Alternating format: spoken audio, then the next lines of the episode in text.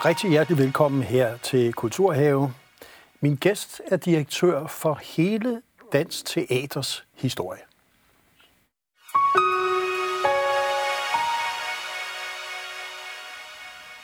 Ja, velkommen Peter Christensen Teilmann, Tak skal du have.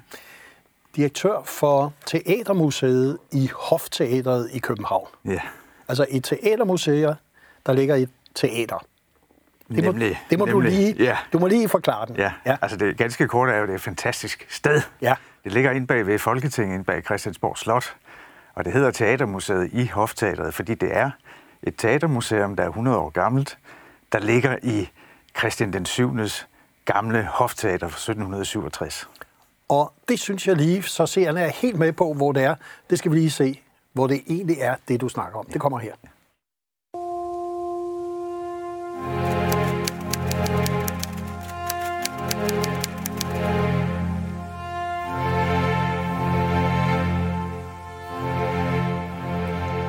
Her i denne bygning, som ligger bag Folketinget på Christiansborg Ridebane, ligger Danmarks eneste hofteater. Hofteateret åbnede i 1767, hvor den unge kong Christian den 7., som så mange af hans kolleger, konger og fyrster rundt om i Europa, ønskede at få sit eget mere private eller logeagtige hofteater, som altså var noget andet end det mere offentligt tilgængelige kongelige teater. Hofteatret ligger oppe på første sal oven på de kongelige stalle i en bygningsfløj fra det første Christiansborg Slot, som blev bygget tilbage i 1730'erne, altså for snart 300 år siden. Ja, så her ligger det. Ja. Hofteateret, som jo, vi skal forstå, er et aktivt teater. Øh, der sker jo masser af ting i, og i det ligger der så også et teatermuseum. ja. Ja. Det er et aktivt kultursted og et aktivt teater, i den forstand, at der foregår alt muligt inde i selve teater. Og hvad er det for eksempel? Det kan være koncer- koncerter og forestillinger.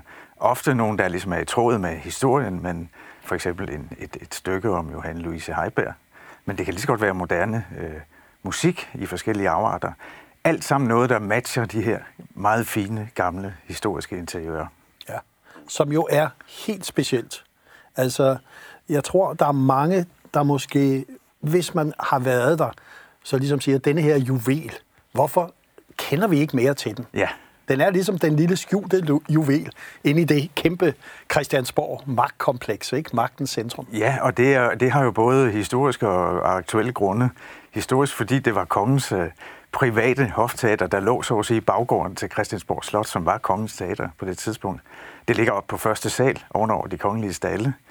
Og det er på mange måder omgivet af de sikkerhedsforhold og så videre, der er inde på Slotsholmen. Men ja, de fleste bliver øh, imponeret, overrasket, når de kommer ind og opdager stedet, og de kommer der ofte af andre grunde. De skal ind til en koncert eller en tv-optagelse eller andre ting. Og hvorfor er det, eller er det overhovedet muligt at sætte en teaterkunst, en flygtig kunstart, kan vi godt sige, på museum? Ja, men det er jo, øh, hvad skal vi sige, skismaet eller dilemmaet. En af de måske, ja netop måske den mest flygtige kunstart, det er her og nu og på ny hver aften. Øh, Hvordan kan man øh, lave museumsformidling om den? Jamen det kan man i alle mulige afledte former og i forskellige formidlingsformater.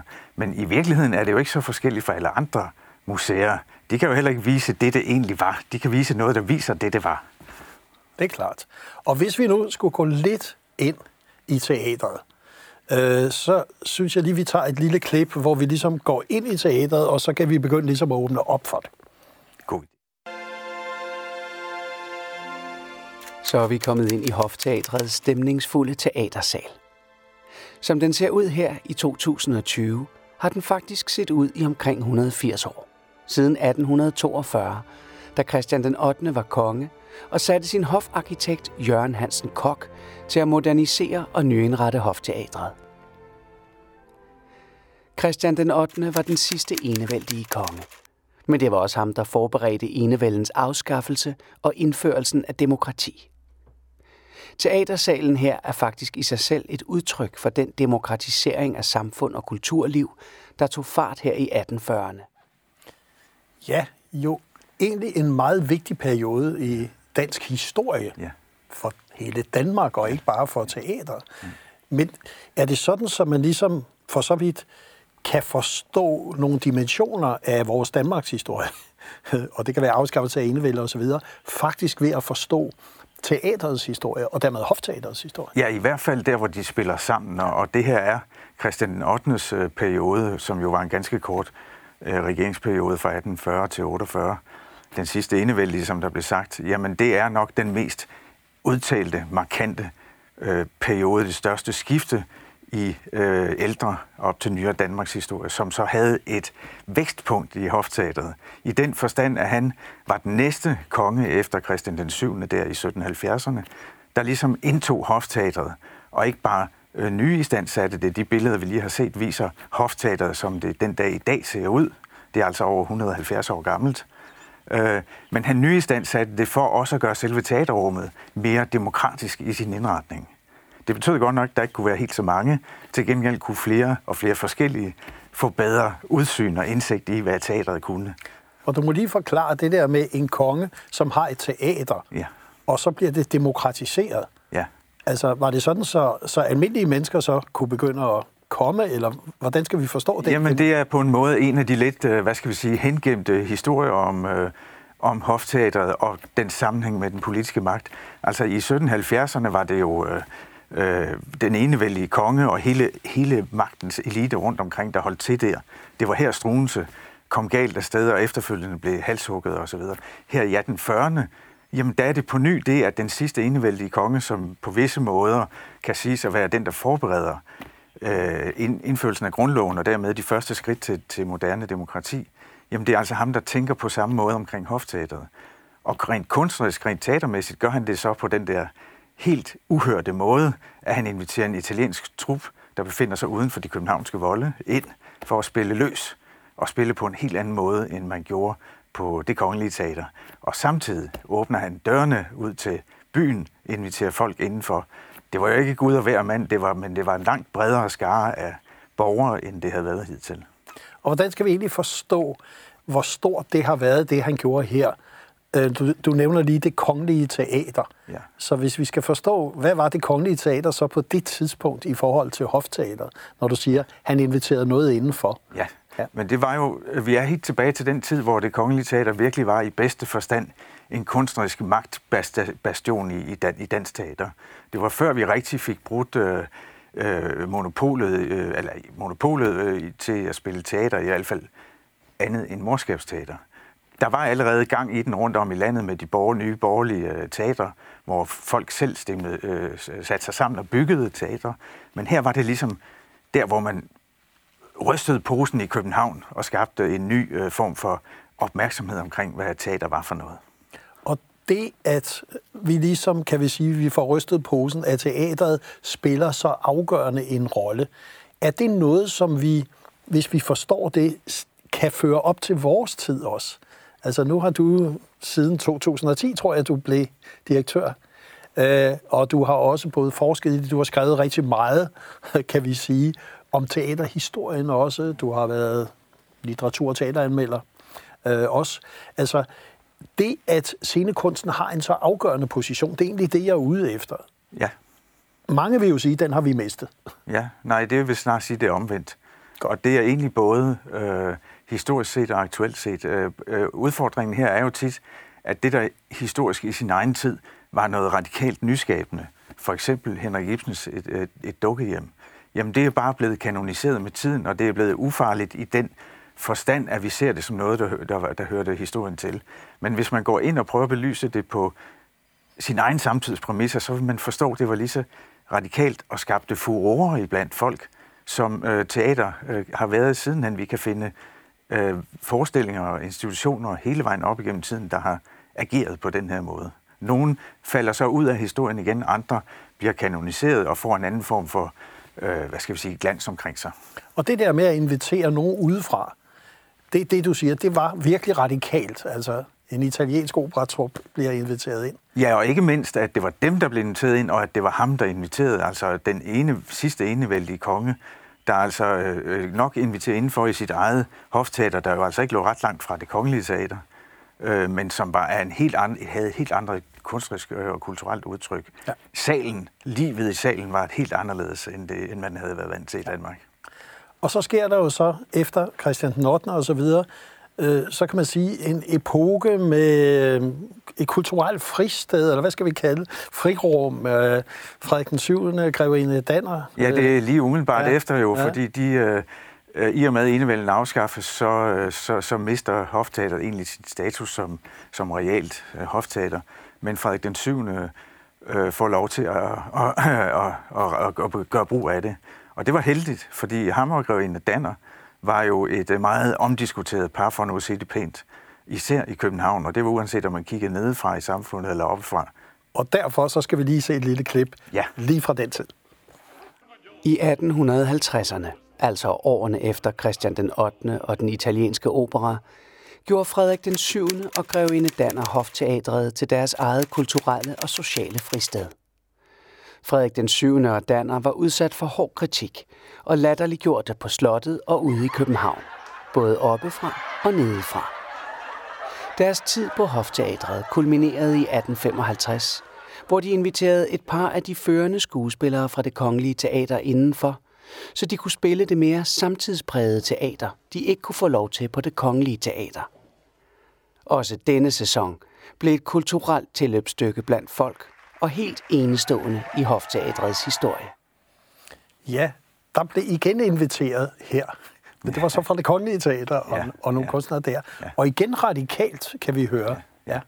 Og, og de, øh, den øh, form for, altså det der tidlige øh, eksempel på mere realistisk, efterhånden også naturalistisk teater, som blev mere almindeligt, især øh, øh, prægtigt udført på det kongelige teater nogle årtier senere, jamen, jamen det var det, der kom, fik lov at komme her, og de skuespillere kom jo i øvrigt meget snart efter en sæson tilbage til det kongelige, og det fik lov at vokse videre der. Så der har været nogle, egentlig i en vis forstand meget fin synergi imellem det kongelige teater og kongens teater. Ja. Og hvordan skal vi egentlig forstå lige øh, tiden med Frederik den 7. grevinde Danner, øh, øh, afskaffelsen af enevælden, grundlov og så videre. Hvordan, hvordan ser man den tid med dine briller, når du sidder og kigger i? Ja. Nu er jeg mere teaterhistoriker Ja. end historiker, Ja. så, så med, med det sagt, så vil jeg bare sige, at det var i hvert fald et par årtier, hele den regeringsperiode indtil Frederik den 7. dør, øh, øh, og Grevin Danner så at sige selv kører videre. Øh, det var en meget omskiftelig tid. Øh, der var mange modstridende kræfter. Folk, der ville det fremtidige demokrati, og folk, der absolut ikke ville det. Så der var mange ting omkring dem, der var med til at gøre, mange brydningspunkter omkring dem, der var med til at gøre, at de øh, ligesom kom til at stå i, øh, i brandpunktet for alt det, og havde en mulighed for at ligesom øh, indlogere sig i hofteateret og skabe et, et sådan en, ja, som du kaldte det, kulturelt øh, fristed i nogle år derinde. Og, og det, når vi så kigger tilbage på historien, øh, og det gælder øh, scenekunsten her selvfølgelig primært, hvad er det så, vi kan tage med? Hvad er det for en relevans og en nutidig relevans, ja. øh, som vel stadigvæk må være et afgørende parameter også for dig? Ja, men det er, det er det i den grad, især med det, vi øh, har gang i nu. Ja. Ja. Altså, det er jo det her med at prøve at få øje på, og det gælder jo andre øh, kapitler af historien også, eller andre faser af historien, altså det her med, hvad der sker i en bestemt historisk tid, altså hvad, af hvilke grunde opstår det lige præcis her, og hvad er det, det siger om den tid, det lever i. Det er et øh, fokuspunkt for os i vores øh, videre færd fremad. Ja, det er klart. Øh, og så er der jo sket noget meget interessant. Altså denne vidunderlige historie øh, med Hofteateret, og så kan vi sige Teatermuseet fra 22, 1922, det vil sige næste år, 100 år. Ja. Øh, Dansk Teater fylder 300 år, næste år også. Der er masser af runde dage. Ja. Og så skete der noget med, at lige pludselig så blev Hofteateret tomt, og Ja. Teatermuseet blev tomt. Ja, Og lige pludselig, Ja. så var der ikke noget. Nej. Og det er ikke mange måneder siden. nej, det er det ikke. Nej. Øh, og det må du lige fortælle ja. Lidt om. Ja, Hvad det var, der gerne. skete der. Ja, det er jo sådan, at uh, siden man, altså i, de- senere årtier, så har man virkelig forsøgt at åbne Hofteateret og Teatermuseet i Hofteateret og invitere flere og flere forskellige aktører og medier og så videre ind. Og det har sat sit præg på Hofteateret. Det er blevet lidt træt i, Ja. ja. i, i, i ledene. Det trænger i den grad til en restaurering og en renovering og en standsættelse med alle installationer og så videre. Altså, for, for gjort det uden, altså for at få styrket det historiske ved Hofteateret, men for at få få bragt alt det moderne ved sådan et sted på højde med vores tid. Så derfor har vi over nogle år bygget et større projekt op, der er støttet af tre af landets største fonde, øh, og som simpelthen betyder, at øh, stedet Hofteateret lukker i to år for at få øh, øh, øh gjort hovedet rent, så at sige. Og vel også at kunne byde velkommen øh, på en anden måde, fordi det er jo ja. både udvendigt, indvendigt osv. Ja. Og vi har en lille snas om nogle af de formidlingsmæssige greb, ja. som der også kommer, for vi byder jo også teknologien velkommen. Ja. Så der kommer en lille snas på det her. Ja. I guess from the top, or...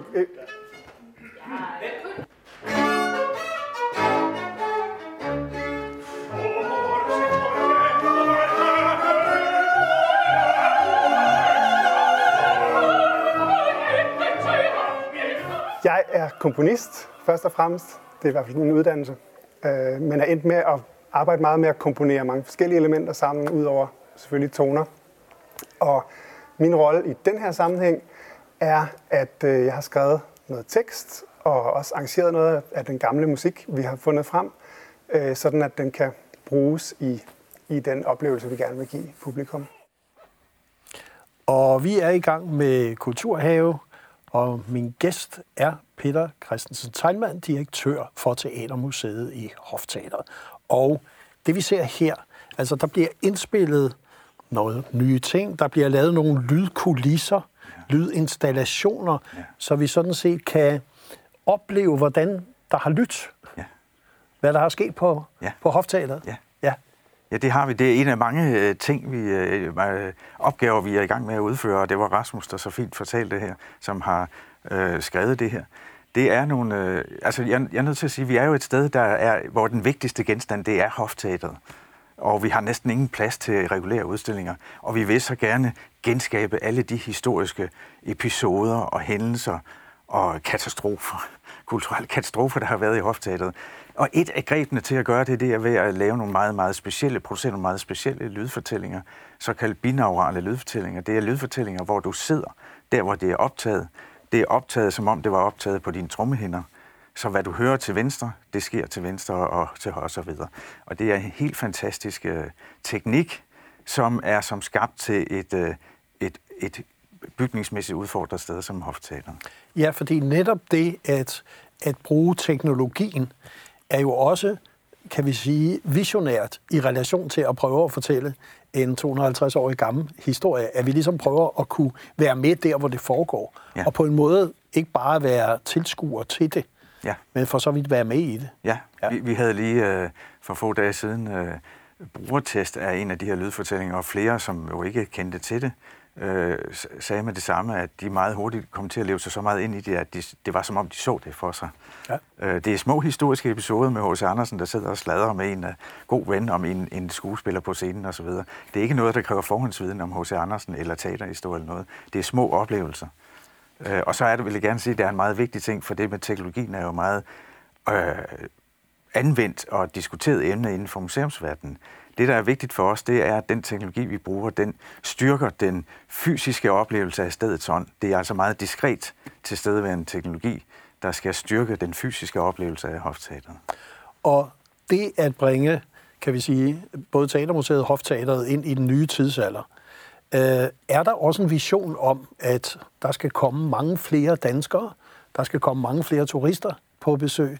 At ligger der også bag ved, skal vi sige, den revitalisering af det hele? Ja, selvfølgelig gør der det, øh, og nu sætter vi lige en parentes om coronaen. Ja. Øh, men ja, det gør der. Altså, vi har i løbet af de sidste fem år øget vores øh, publikumsbesøg med 20 procent, bare uden at gøre noget nyt, særligt nyt. Så det er der naturligvis, og noget af det, vi rigtig gerne vil, fordi vi ved godt, at det er et sted, der har en vis øh, automatisk tiltrækning på blandt andet seniorer og så videre. Men den, det, vi kalder unge voksne, dem vil, der kommer der typisk for at gå til koncert eller andet, dem vil vi gerne gøre noget mere for, øh, øh, som ikke skal kræve, at de ved en hel masse om teaterhistorie, eller for den sags skyld interesserer sig for det. Men de skal kunne opleve, hvad det her er for et sted, og hele den historie, der er, og alt, alle de, al den relevans, teatret har for uanset hvem man er i dag.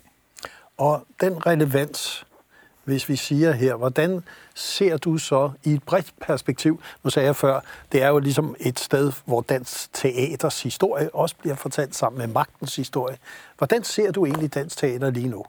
Ja. Masser af diskussioner hele tiden.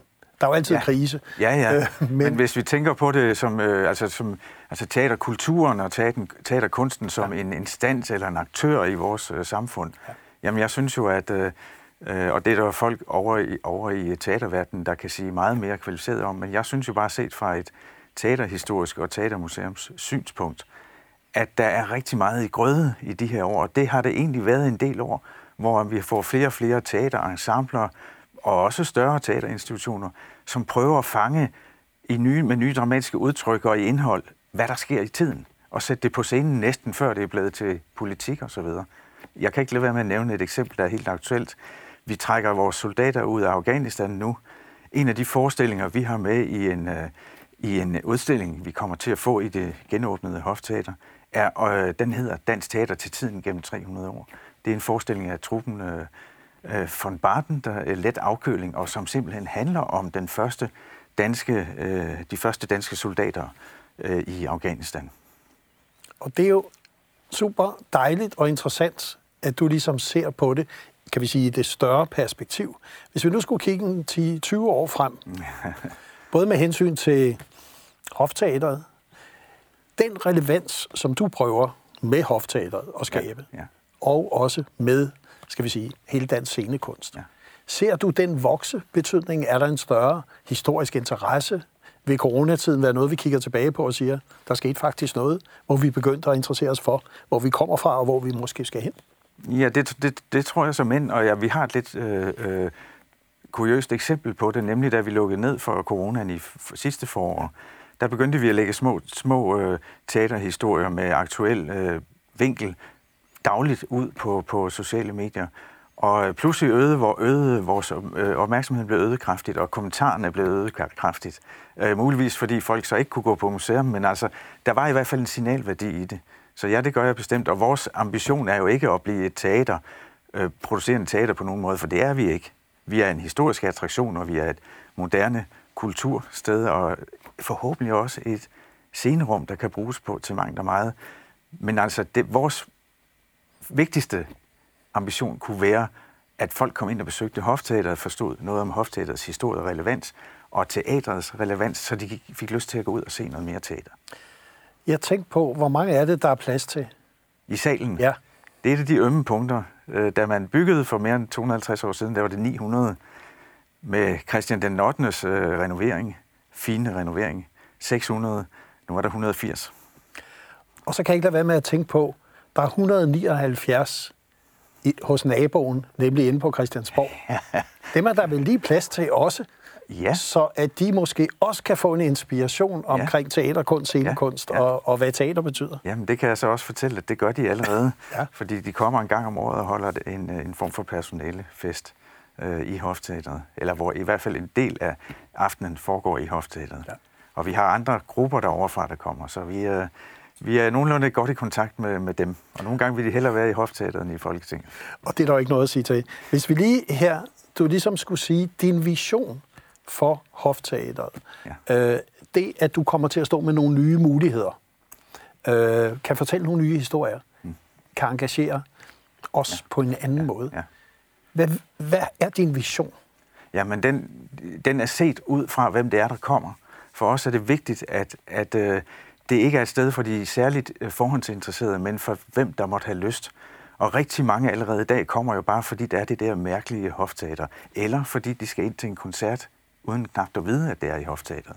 Og vi vil gerne vise både hofteaterets relevans og dets aktualitet, hvis vi ser det herfra og tilbage i tiden, og det samme med, med teatret, men på en måde, som gør, at, øh, at øh, det altså ikke forudsætter viden, men det skaber lyst til at forstå noget mere om, hvad teateret, og i, som jeg sagde, i bedste fald at få folk til at gå mere i teateret. Og vi vil glæde os rigtig meget til, at I slår dørene op, og at vi får pusset juvelen op, som vi alle sammen kan glæde os til. Tak fordi du kom her i Kulturhuset. Selv tak. Thank you.